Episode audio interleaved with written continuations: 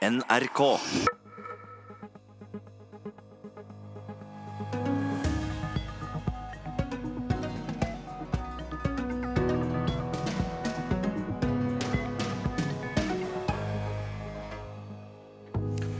Hvert år viser Putin frem våpnene sine i en storstilt militærparade i Moskvas gater på seiersdagen over Nazi-Tyskland 9. mai. Hvor viktig er denne oppvisningen i militærmakt for Putins historiefortelling om det nye Russland? Vi skal også nordover og hele veien til Kirkenes, byen hvor man sier at Norge møter Russland.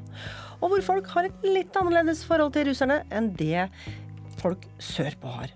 Er det sånn at søringer ikke helt forstår hva russerne har betydd, og hvor viktig det er med et godt forhold til den store naboen vår i øst.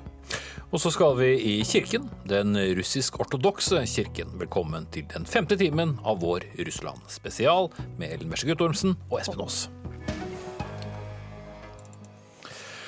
Og um, vi har jo snakket mye så langt i dag om uh, hva vi tenker og tror om våre naboer i øst. Men hva tenker russerne om oss, om Norge? Vi sendte vår Moskva-korrespondent Morten Jentoft ut blant moskovittene for å finne svar. Nå står jeg i hjertet av den russiske hovedstaden Moskva, på Tvirskaja-gaten, like ved Pusjkin-plassen.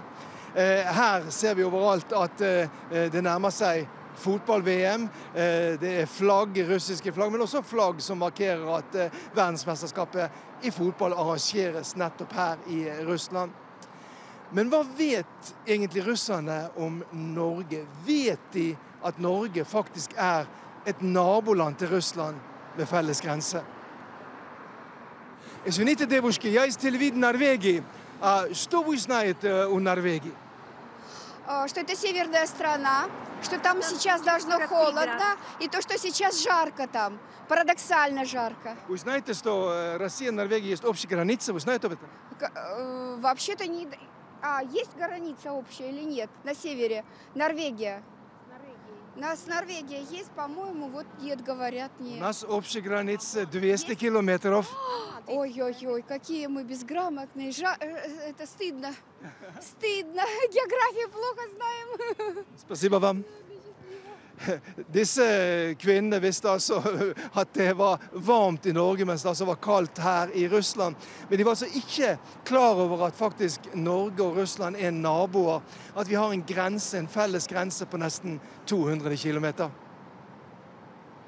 Молодой человек, я из телевидения Норвегии. Что вы знаете о Норвегии? Бьерн Далин, Био Свенсон, ну, Теннисты, фьорды, ну, так сразу не могу даже сказать. Вы знаете, что Норвегия и Россия есть общая граница? Наверное. не могу точно сказать. Вы ничего не плохо бы хотели говорить о Норвегии, да? Нет, ничего не могу. Плохого, ну, не знаю. Может быть, не очень отношения у политиков, но я думаю, у спортсменов и у простых людей должны быть неплохие. Поэтому всего вам самого хорошего, как и нам, провести чемпионат мира. Вообще-то я не москвич, я приехал с Урала на чемпионат, поэтому у меня ни к вам, ни к вашей стране никаких претензий нет. Denne, denne, mannen han var altså mest opptatt av betydningen av sport. Eh, når jeg spurte ham ham må ha visst om Norge, så kom han opp med navnet, eh, navnet på skiskytterne Oleina Bjørndalen eh, og eh, Svendsen. Emil Hegle Svendsen. ellers så hadde han ikke noe galt å si om Norge, egentlig. Han var veldig opptatt av at akkurat i dag så er kanskje ikke de politiske relasjonene de aller beste, men han håpet bl.a. at fotball-VM nå i 2018 det kan være med på å skape mer ro og fred og et bedre forhold mellom landene i Europa. Извините, девушки, я из телевидения Норвегии. А что вы знаете о Норвегии? О Норвегии. Фьорды. Фьорды, рыба, холодно, бородатые мужчины. Красивые. А вы знаете, что в Норвегии и России есть общая граница в север? Нет. Нет, вообще географию забросила. Очень стыдно. А, вы ничего не плохо бы хотели говорить о Норвегии, нет? Плохо? Почему? Нет, все хорошо. Нет, я с удовольствием смотрю художественные фильмы о Норвегии. Мне очень нравятся ваши пейзажи. Какие фильмы? Я не могу. Я вообще в последнее время столько фильмов смотрю, что я даже артистов не запоминаю. Просто впечатления остаются. Denne kvinnen hun var eh, altså opptatt av at hun hadde sett gode eh, kunstneriske filmer om eh, eh, Norge. Ellers så hadde hun bare positive ting å si eh, om Norge. Hun kjente til fjorder. eh, eh, men hun kjente ikke til at faktisk Norge og Russland er naboer med en felles grense i nord. Ja, Morten Jentoft ga oss denne rapporten fra Russland. Vi skal nordover og hele veien til Kirkenes, byen hvor man sier at Norge møter Russland. Her treffer vi en som gleder seg veldig mye til VM-start, nemlig fotballtrener og selvutnevnt fotballidiot Anton Romanov. Nå nå er det sånn at jeg er veldig stor eh, fan av Liverpool, eh, det må jeg ærlig innrømme. Og det at hele livet ditt til, til min liste, til, til en fotballklubb.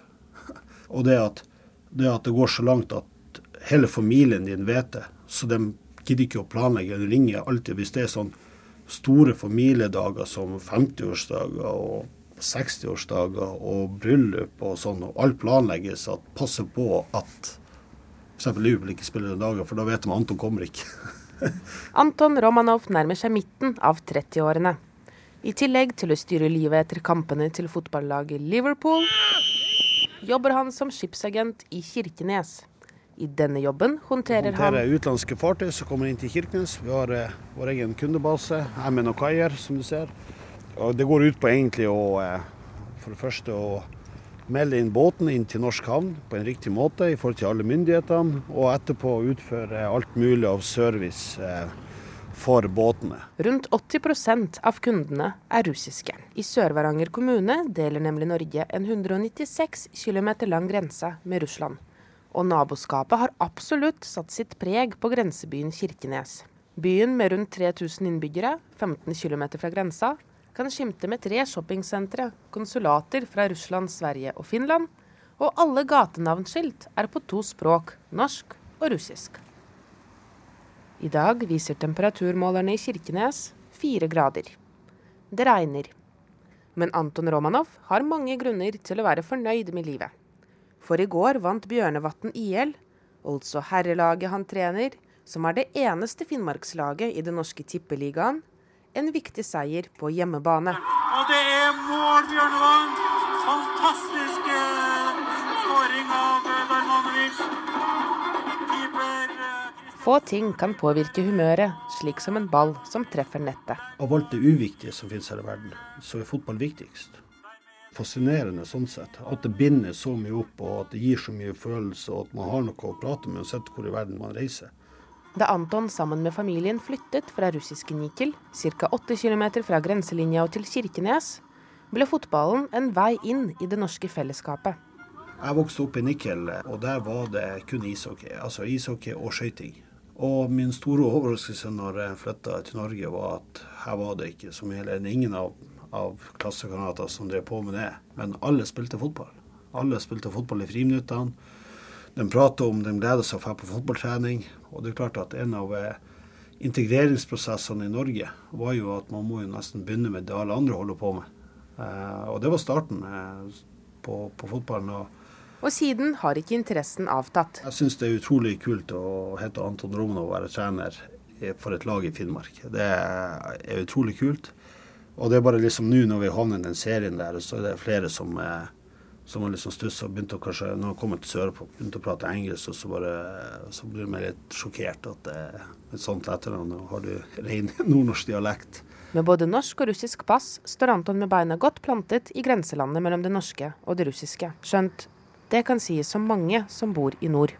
Og kanskje spesielt om dem som driver med idrett. Jeg føler at eh, kanskje ikke alle eh, artiklene i norsk, for norsk medie har vært balansert i forhold til eh, politiske konflikten.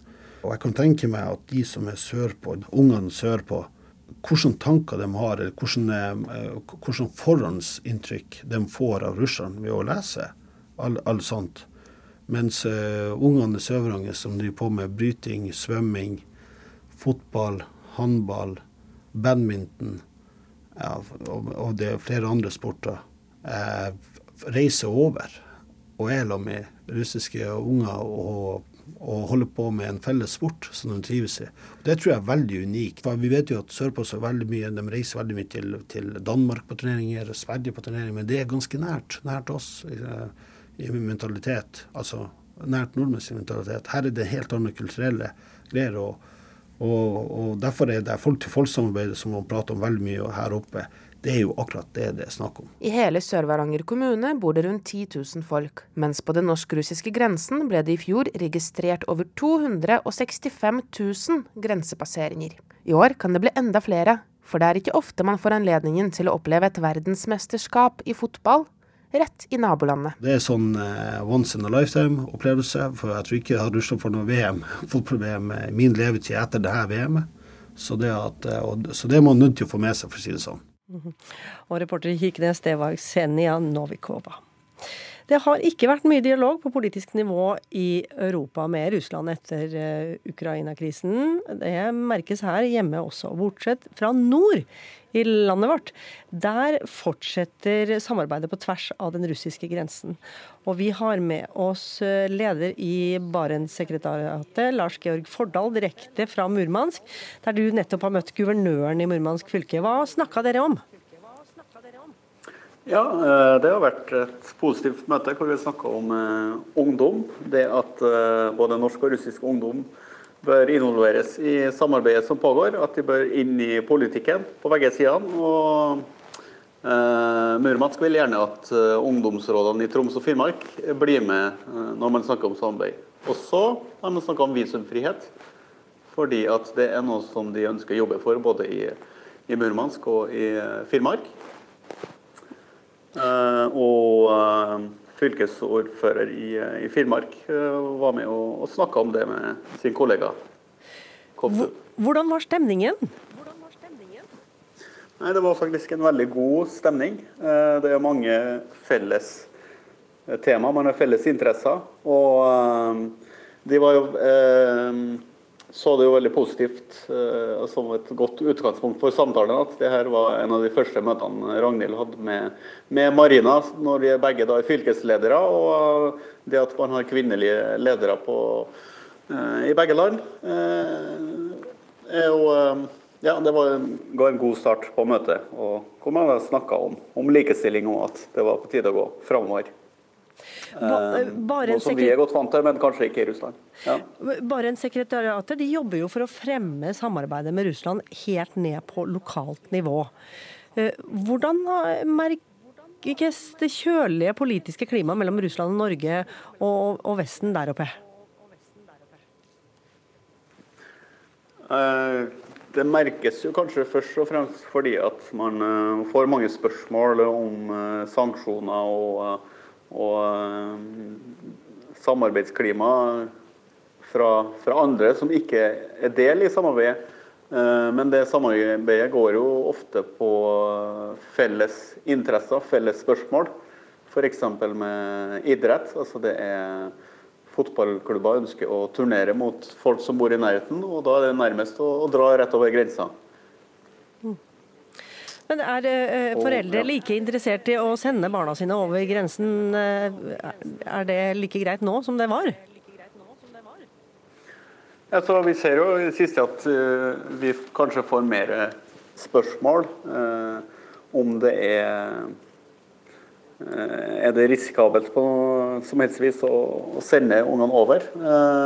og da er jo det vi svarer, er jo nei. altså det er Et godt eksempel på det er Eh, Barents Games. Det er et eh, vintersportsstevne hvor 1200 ungdommer fra, fra, Norge, Russland, Finland og, og Sverige samla seg i, i, mars. Eh, ble kjent og um, hadde masse positive opplevelser. Sånn at det er jo ikke skummelt å, å dra uh, på besøk til hverandre.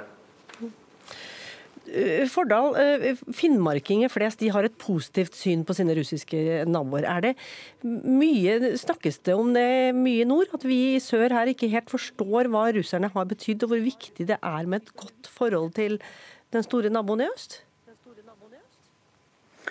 Eh, ja, det snakkes jo om det. Og det er jo sånn at når man bor så nært på Russland, så er man kanskje ikke så opptatt av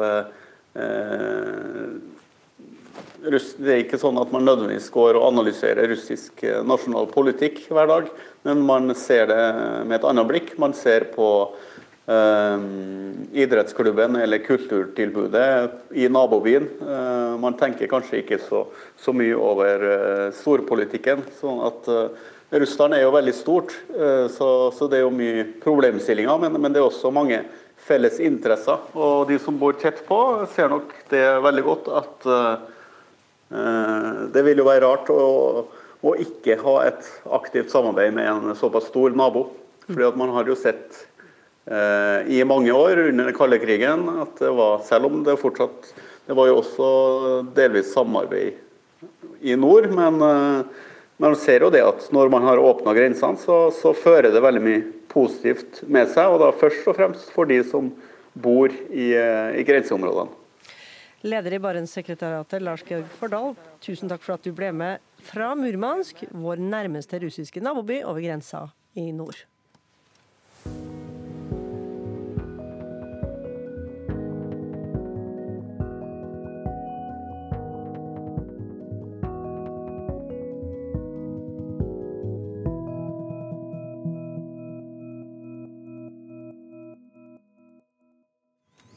I eh, over et halvt år har nordmannen Frode Berg sittet fengslet i Russland. Russerne mener han er en norsk spion, og han har selv sagt at han jobbet for den norske etterretningstjenesten. Og nå etterforskes han for medvirkning, til spionasje. Vi skal høre dette tilbakeblikket. Maskerte menn fører Frode Berg inn i rettslokalet i Moskva i februar i år, og plasserer han bak hvite jernstenger. Den pensjonerte grenseinspektøren har sittet fengsla i Russland siden 5.12. i fjor. Da ble han arrestert av russisk politi, som mener at han hadde mottatt hemmelige dokument om det russiske forsvaret. Jeg er beskyldt for noe som jeg ikke har gjort. Jeg har ikke anelse når jeg kom til Moskva 4.12. Skulle bare få som julegavehandel og besøke noen venner.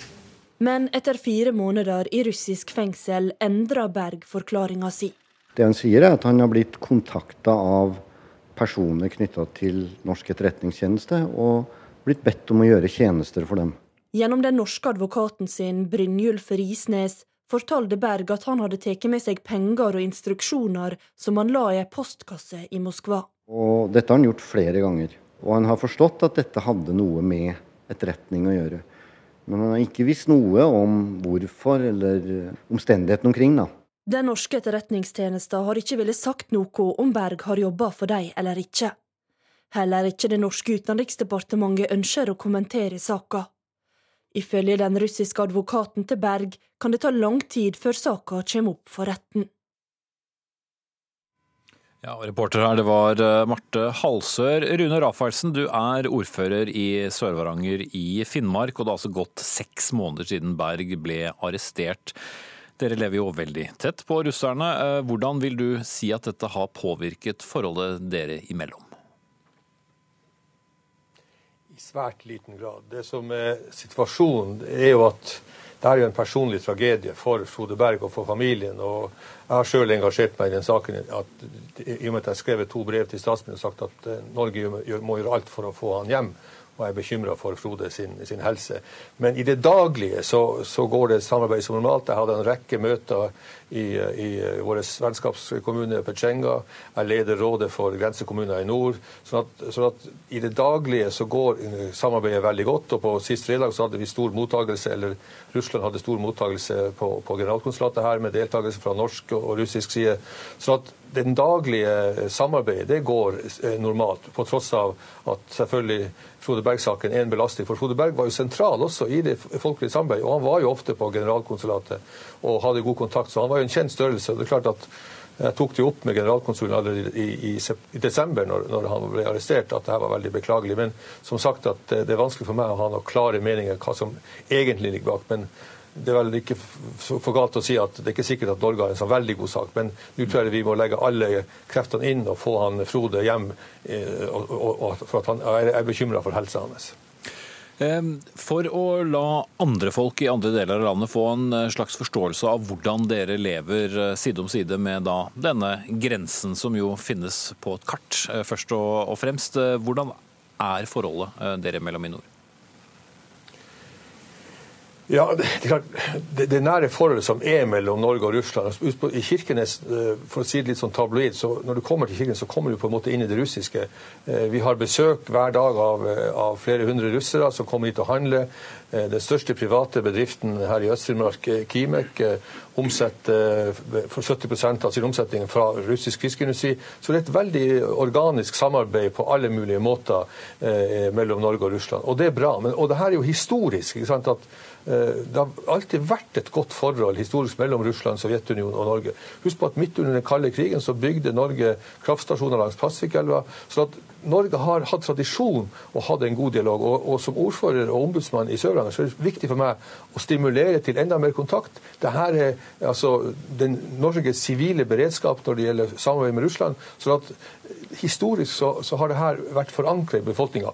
Og for den eldre befolkninga er jo selvfølgelig frigjøringa av Kirkenes eh, høsten 44 i oktober eh, står veldig sterkt. Sånn at, sånn at eh, det er også forbundet med, med, med, med den delen. Når vi har markeringene her, så er det veldig stort. Og, og til neste år så er det 75 år siden Røde Armé frigjorde Øst-Finnmark. sånn at det er veldig sterke bånd eh, mellom, mellom, norsk og russisk side. Og Det blir videreutviklinga gjennom det daglige folk-til-folk-samarbeidet. Og Barentssamarbeidet var jo, når det ble etablert i 93, en, en, en inspirator for å få til enda mer samarbeid eh, mellom, mellom Norge og Russland. Og også Finland og Sverige. Sjøl skal jeg i dag videre til, til, Finland og ha samarbeid med mine finske kollegaer. Så det, det, å, det, å, være ordfører i et sånt grenseområde, da er det også naturlig at du tar med deg Russland i et sånt uh, samarbeidskonstellasjon. Men hvor mye tåler da dette vennskapet? Altså er det et vennskap som uh, knapt kan brytes, uavhengig uh, da av storpolitikken? Ja, det er klart at du kan si det sånn, Storpolitisk så, så Norge har jo kun én reell utenrikspolitisk utfordring, og det er vårt forhold til en komplisert nabo, altså Russland. Og Det er jo i nord vi møter på en måte en, en krevende situasjon, og det ser du også på debatten. Og det er klart at jeg som ordfører må forholde meg til enhver tid til den sittende regjerings utenrikspolitikk. Og Nato-medlemskapet er fundamentet. Og vi har jo også et godt samarbeid med, med, med det lokale militæret osv. Så, videre. så at jeg føler at alt det som jeg gjør, får jeg full støtte fra regjeringa. De ønsker at det sivile samarbeidet skal gå godt. Og har ikke møtt noen reaksjoner fra regjeringa om at de ønsker mindre samarbeid osv. Så videre. sånn at jeg føler at jeg har full oppbakking. Men det er klart at uh, vi har jo en situasjon hvor du har en del ledere i verden i dag som er veldig uforutsigbare. Men som sagt, nå på kort sikt så ser jeg ingen uh, begrensninger uh, at vi skal få til et svekka samarbeid mellom Norge og Russland. Mm. Jon Arne Markussen eh, med meg i studio, tidligere sjefredaktør eller avtroppende alt Trom i, i Dagbladet. Eh, Raffelsen sier at dette, denne saken får ikke noen sånn umiddelbar konsekvens eh, for forholdet mellom Finnmark og, og, Russland. For her er altså båndene veldig sterke. og de, de, kan nok beholde, men en annen historie er kanskje Norge og Russland? Eh, ja, det er en stor forskjell. Jeg tviler ikke på at hverdagen fungerer som normalt oppe ved grensa. og uh, man har gode relasjoner der. Uh, men snakker vi storpolitikk på det store bildet, så har det jo aldri vært kaldere eh, mellom Norge og Russland enn det nå. Og det storpolitiske tyngdepunktet nå eh, i nord, det er liksom forskjøvet seg lenger øst. Det er egentlig Russland, Kina og Finland um, i den triangelen. Så på det, altså, den situasjonen nå er jo en helt, helt annen. og hva man skal si, mindre tillitsfull enn den var f.eks. i 2010, da Støre fikk klart å skape et uh, gjennombrudd for når det gjaldt delelinja f.eks. Mm. Siden har det bare gått nedover. Og, og det er jo um, noe som må og bør repareres Eh, ganske snart. Altså. Mm. For det er veldig viktig å ha eh, et godt forhold. Det understreker både Søreid og Støre her tidligere i sendingen. Ja, Det sier jo Rafalsen også, at, eh, at vi har, Norge har en stor politisk utfordring, og det er forholdet til Russland i nord. Det er helt riktig. Det er det dette egentlig dreier seg om. Og ja, så Man snakker om vennskap her, men det er jo La oss nå begynne med å få et godt naboskap, i hvert fall. Um, så får vi jo se hvordan det går etter hvert, men her er en lang vei å gå, altså. Eh, Men hva tåler dette vennskapet, da? Altså Hvor går eh, tålegrensen? Det har jo vært utfordret noen ganger. Vi har jo hatt uh, historier om ubåter, vi har hatt russiske fly veldig nært uh, våre, våre egne grenser. Og, og det anses ofte som en provokasjon når vi får en del allierte tropper uh, stadig nærmere grensen. Ja, jo, men der må man jo også se på dette fra russernes side. Um, eh, Man må jo huske på historien her. Har, grensa mellom Norge og Russland den er historisk sett kanskje den fredeligste grensa i, i verden, og alltid vært det. Um, Det er klart at, uh, at Natos nærvær i nord, så sterkt som det tidvis er, det må russerne også få mene noe om. Så det er helt naturlig. For, for dem har det også med sikkerhetspolitikk å gjøre. Eh, Så vi må jo Men det er jo, det er jo mye dette med dette med å skremme med Russland, det er, har vi jo lange tradisjoner for, for i, i, i, i Norge. Men, men det er jo i hvert fall godt å høre det Rafaelsen sier, at hverdagen går sin gang der oppe. Men så har man da midt oppi dette så har man situasjonen med Frode Berg. Og den, altså vi må, vi, her kommer det antagelig snart en rettssak, f.eks., og denne vil russerne vite å, å, å bruke for alt den er verdt. Ja, Raffelsen, Du antydet for så vidt tidligere her at vi kanskje har en, en dårlig sak. Hva, hva skal få til uh, før vi kan få til en utlevering her?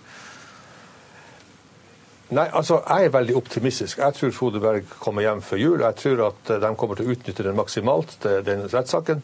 Og så kommer de til å være sjenerøse, for de vil se at Frode er en liten fisk. Det er iallfall min hypotese. Jeg er veldig optimistisk for at han skal komme hjem. Men jeg har bare lyst til å illustrere. Neste fredag så skal jeg kjøre over sammen med Bellona til Murmansk. Jeg skal ha pressekonferanse med guvernøren om eh, elbiler. altså det her det grønne skiftet, altså at man kan kjøre med elbil fra Kirkenes til Murmansk. Altså, Vi gjør en del praktiske ting. Det er ikke noe stor ting, men det viser hvordan vi på grense her kan gjøre enkelte praktiske ting. Og det er jo sånn vi skal bygge tillit, med å gjøre ting. altså I sted så hørte jeg det var om idrett. altså Det er jo sånn vi bygger tillit, med å gjøre ting som er gunstig fra begge sider eh, av, av, av, av grensene. Sånn at, sånn at jeg, jeg er veldig optimistisk eh, når det gjelder fremtida samarbeid med Russland. Men det er klart, jeg ser jo, ser jo de, de, de, de bildene som nå skapes i Europa, som har sin bakgrunn selvfølgelig i den ulovlige annekteringa av, av, av Krim i mars 2014. Da må vi sette strek. Takk til øh, Rune Rafaelsen, ordfører i Sør-Varanger i Finnmark, og Jon Arne Markussen, tidligere sjefredaktør i Dagbladet. For ti år siden gjenopptok Vladimir Putin den gamle sovjetiske tradisjonen med stor militærparade 9. mai, dagen Russland feirer seieren over Nazi-Tyskland i 1945. På denne dagen i år ble en russisk atombombe rulla gjennom Moskvas gater. Tor Bukkvold, seniorforsker ved Forsvarets forskningsinstitutt og ekspert på russisk utenriks- og sikkerhetspolitikk. Hvorfor viser Putin frem våpnene sine på denne måten her? Han har nok flere publikum når han eh, viser frem det våpenet. Både verden som sådan og den russiske befolkninga.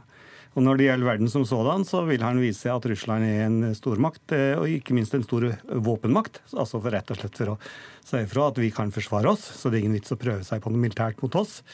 Og så tror jeg han vil vise òg befolkninga at, eh, at i hvert fall på det militære området så er det framgang i Russland.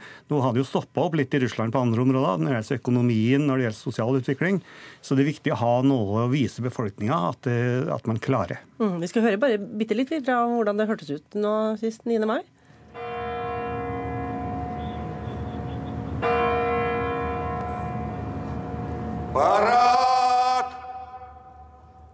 государственный флаг Российской Федерации и знамя Победы!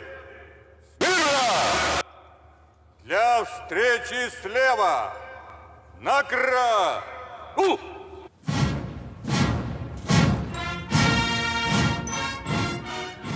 Ja, det er st- storstilt dette, utenriksmedarbeider Gro Holm.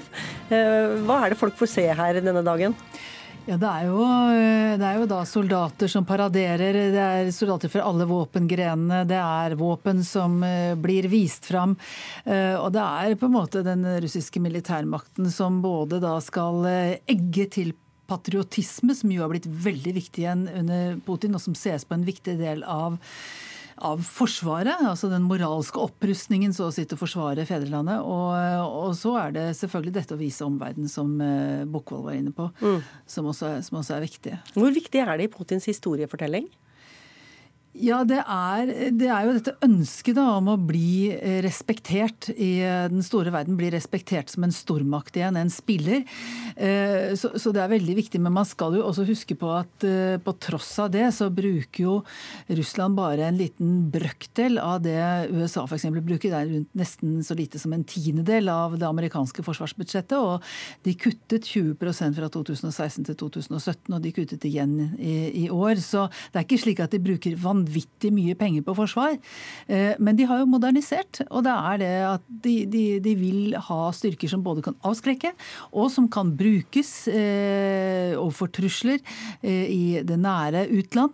Og brukes også i internasjonale operasjoner. Det har jo blitt mindre militære enheter, mer raskere, mer operative, mer profesjonalisert, mindre verneplikt. ikke sant? Så de har, de har blitt mer profesjonelle og, og, og mer bevegelige enn de var for en 20 år siden. Mm.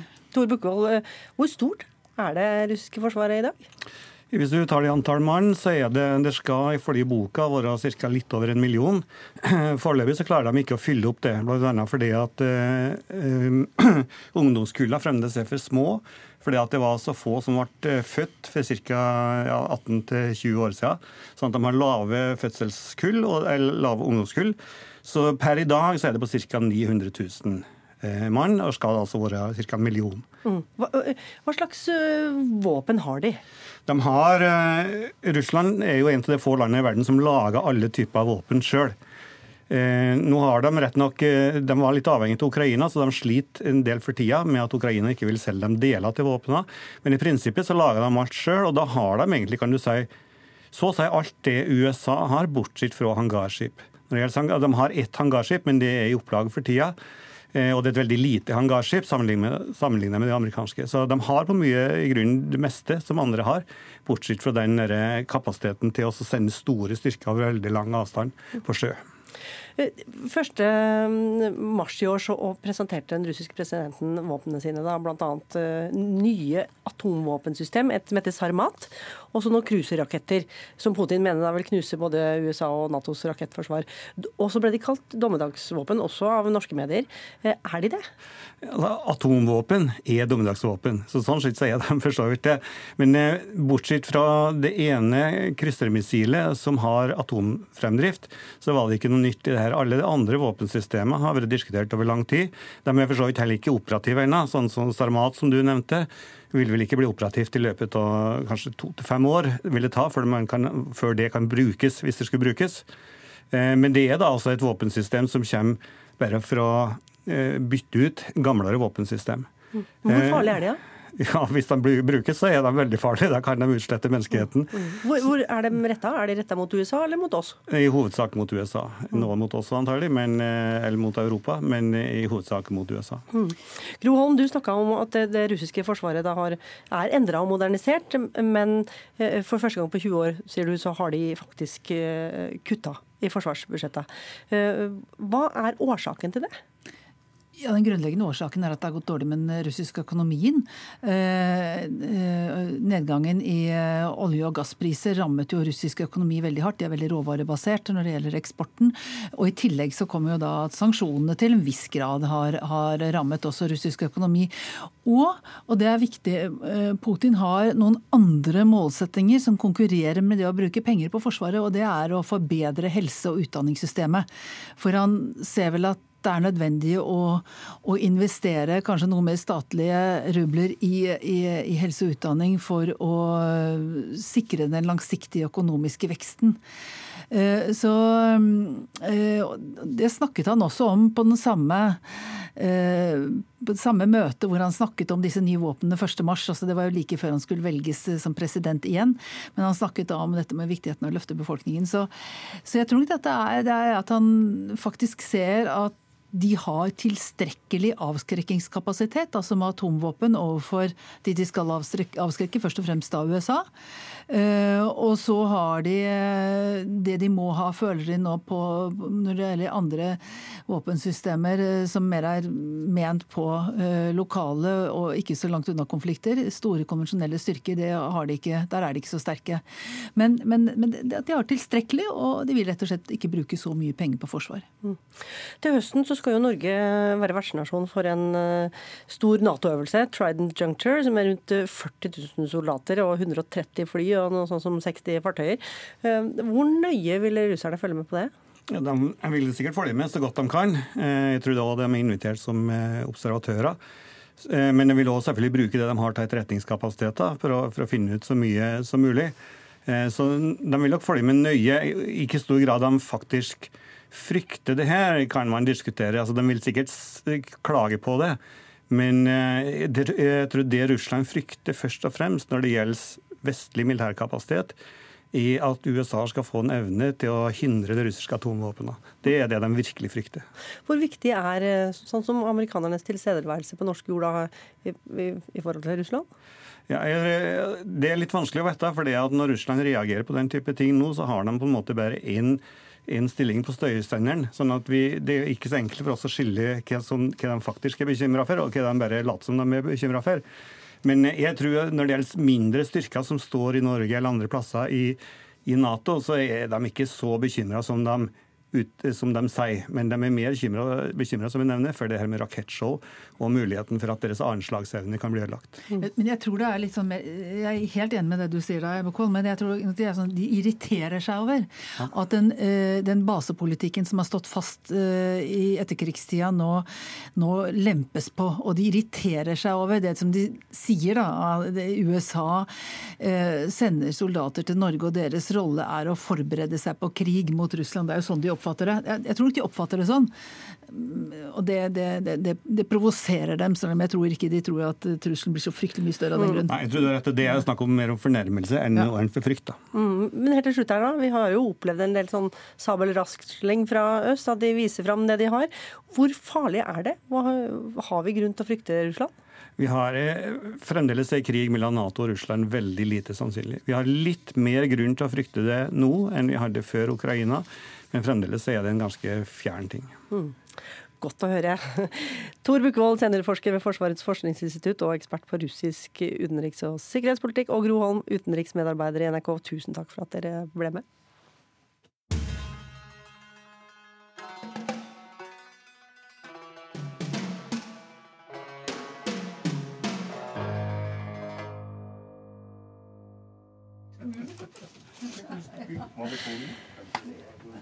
Ja, og nå skal vi straks høre uh, om den russisk-ortodokse kirken. Fra det ene til det andre. Men uh, før vi skal prate om det, så skal vi på besøk i den store Kristi Frelsers kirke midt i Moskva. Reporter Kirsti Kraft besøkte den imponerende hvite katedralen på det som er russernes julaften. 6. januar var det, i 2005. Vi er tidlig ute, men de har så vidt begynt å synge. Kirken er i ferd med å fylles. Det finnes jo ingen kirkebenker her, så alle står. Og når jeg tenker på at dette ikke er noen vanlig luthersk høymesse på én time, slik vi er vant til, men derimot en fire-fem timers seanse, så blir jeg helt sliten i beina bare ved tanken. Røkelseslukten begynner å bli merkbar. Svetlana er med meg inn i kirken. Hun er 33 år og så voksen at hun kan fortelle meg at eh, vennene rundt henne har forandret seg etter kommunismens fall i Russland. Men Svetlana snakker bare russisk, så Anna, som er norsk student på 17, er med og oversetter. Det er, eh, hun mener at i hennes generasjon er det liksom stylish å være religiøs, fordi folk liker å uh, Stylish? Liksom moderne mote. mote på en måte. Og folk liker å bli gift inn i kirken, uh, uansett er de døpt eller ikke. Og hun sier at kanskje det er ikke pga. at de vil være religiøse fordi de vil tro på Gud, men bare pga. at det er liksom en mote. Mm -hmm. Karoline Serrik-Hansen, du er kunsthistoriker og har jobba mye med russisk kunst og kultur. Ja, hvor moteriktig er det å være religiøs i Russland i dag? Jeg vil si at det er veldig moteriktig og politisk korrekt etter russiske standarder. Eh, men det betyr ikke at russerne er så veldig ivrige kirkegjengere slik som polakkene er. Det er eh, kanskje 75 eh, som vil si at de er russisk-ortodokse. For de er så sammenvevd med den nasjonale identiteten Selvsagt er jeg ortodoks fordi jeg er russer, er liksom tanken. Men kanskje det er bare noe sånn som 4% som er aktive kirkegjengere og går i gudstjeneste en gang i måneden eller oftere. Mm. Du har selv vært i denne katedralen som vi eh, hørte fra her, og den har en spennende historie. Ja, den er veldig dramatisk. Selve kirken jo, var jo opprinnelig altså bygget på 1800-tallet som en enorm, kanskje Russlands, jeg tror det var Russlands største kirke. og Den ble bygget som et monument til minne om seieren over Napoleon i 1812.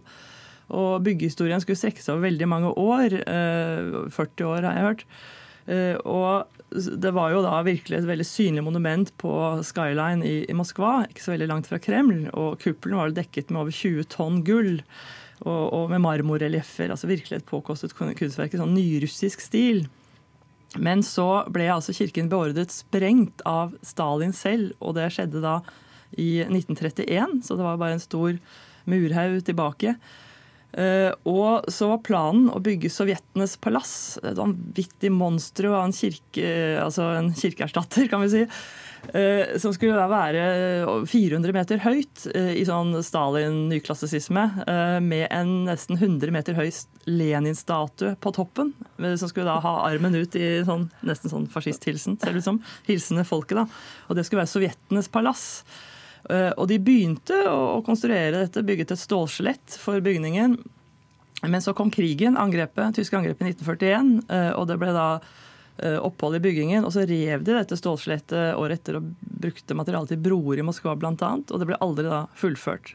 Og så bygget man på 50-tallet et stort svømmebasseng et ut, verdens største, tror jeg, utendørs svømmebasseng. Så het det seg da at uh, da, klordampen fra dette skadet de uerstattelige kunstverkene i Pushkin-museet, som var nabo. Uh, og så, i 1990, så fikk kirken da tillatelse til å bygge rekonstruere kirken, og den ble innviet da eh, til millenniumsskiftet år 2000. Og er i dag igjen blitt en sånn nasjonal hovedkirke, hvor alle de store gudstjenestene, de viktigste seremoniene finner sted. altså Patriarkens påskenattsliturgi, julenattsliturgi. Putin er, de viser jo dette i direkte sending på TV, sånn som med paven i, i Roma. Putin selvfølgelig på æresplass nær alteret med familien sin. Uh, og da Jeltsin ble begravet, så skjedde det også fra den kirken i, i 2007. Mm. Pål Kolstø, du er professor i Russland-studier ved Universitetet i Oslo. Hvilken rolle spiller den eh, russisk-ortodokse kirken i Russland? Altså, Russland er jo etter grunnloven en eh, sekulær stat. Hvor ingen religion skal ha noe fortrinn, men det er på mange måter teorien. For i praksis så har den ortodokse kirke en særstilling. Den har jo vært identifisert, som Karoline påpekte her, med det å være russer i, siden Vladimir den eh, store innførte kristendommen på, i 988, egentlig. Eh, og eh, selv om det da under sovjettiden var, var jo selvfølgelig var kirken sto overfor en ikke bare en sekulært stat, men en stat som var motarbeidet kirken det den kunne. Så etter at kommunismen falt, så har den da gjort det den kunne for å gjenvinne sin tapte eh, storhet og opposisjon i samfunnet. Under Jeltsin så var ikke det veldig fremtredende, men etter at Putin kom til makten, så, så har det bare ballet på seg. Og særlig eh, etter eh, at Putin ble gjenvalgt tredje gang, hvor da Putin på en måte for første gang virkelig følte seg presset av krefter som ville få ham vekk ved store demonstrasjoner i Moskva og andre byer etter noen sånn valg i desember 2011 eh, eh, som, hvor da, hvor da patriarken opptrer på TV ved siden av Putin og sier at vi hadde en forferdelig tid på 90-tallet under Jeltsin. Var, alt var i oppløsning. Og så kom, kom du som et Guds under. Og det, og det liker Putin? Det liker, det åpenbart godt. Han, og han altså dette, noe av problemet her er jo at dette strider imot hva kirken, kirkens menn har lov til å gjøre. Ifølge de, deres egne retningslinjer så skal de ikke blande seg inn i politikk i det hele tatt, og ikke gi støtte til noen politiker. Eh, men, uh, her, Men det gjør du i aller høyeste grad. Hva er det Putin vinner på dette forholdet til kirken, da? Ja, du kan eh, det, åpenbart så, så, føler han at han har behov for støtte i befolkningen, og, og, og befolkningen er, er, identifiserer seg med kirken. Eh, men jeg tror kanskje at han foregner seg litt. At eh, kirken ikke er så grunnfestet i, folks bevissthet som han tror. Og at det kan på en måte slå tilbake. For når kirken da presser på for å få gjennom sine hjertesaker i politikken, når det gjelder lovgivning om, mot homofili, har jo vært en, har, hvor staten har fulgt opp veldig mye med, med uh, lov mot såkalt propaganda for homofile forhold. Mm, og Der har jo Kirken vært inne og sagt at de vil ha av, folkeavstemning. Og... Ja, de, de, er veldig, de, de, har jo fått denne loven, så de er fornøyd med det. Mm, mm. Og også da de har fått en lov om å det å krenke troendes følelser. De vil ha en mer sånn patriarkalsk holdning til vold i, hjemmet, hvor man det man må se gjennom fingrene med det, fordi at fars autoritet må være uantastet. Og på en rekke områder så, så vil nok mange russere føle at eh, greit, vi, vi, er ortodokse, og, og Kirken har Eh, krav på en viss eh, særstilling i samfunnet. Men de behøver ikke gå inn og detaljregulere våre liv. Så, så, jeg er litt usikker på hvor, hvor eh, smart dette er av Putin å identifisere seg til de grader med kirken. Mm, ja. Serk Hansen, eh, vi, får, vi, får, et inntrykk av hva som skiller liksom, den russisk-ortodokse kirken fra andre kirkesamfunn. Kan du helt til slutt her nå si hva er det som kjennetegner den? Eh, vil, det er jo et veldig komplekst spørsmål, selvfølgelig. Eh, det, det, man kan si er at Den ortodokse kirke er ikke én organisasjon. Det er jo mange lokale, nasjonale kirker som er uavhengige av hverandre. Eh, slik, I motsetning til pavekirken eller Romkirken, hvor det er en pave på toppen, så har man mange patriarker og også andre erkebiskoper som styrer lokale kirker. Så du har den greske ortodokse kirke og den russiske ortodokse kirke, som er tallmessig størst, selvfølgelig, med kanskje 150 millioner medlemmer. Så har du da I Ukraina er det litt spesielt, for der er det flere konkurrerende kirker som kaller seg ortodokse. Men så har du jo serbisk ortodokse, bulgarsk ortodokse osv. Så, videre. så de er eh, nasjonale kirker. Og så er det da en Når man skal inn på gudstjenestene, som vi har skildring fra her, så er det at det taler til alle sanser. Ja. Mm, mm. Men du anbefaler et besøk, i hvert fall i, i kirkene når man drar til Russland. Eh, tusen takk til dere to, Karoline Serk Hansen, kunstkritiker, og professor i russlandsstudier Pål Kolstø. Russland under Vladimir Putins ledelse, det er stikkord for neste time etter Dagsnytt. Og vi spør om bildet som tegnes av Putin og Russland er et rettferdig bilde. Eller får vi presentert et karikert fiendebilde? Vi får med oss eh, våre korrespondenter i USA og Moskva.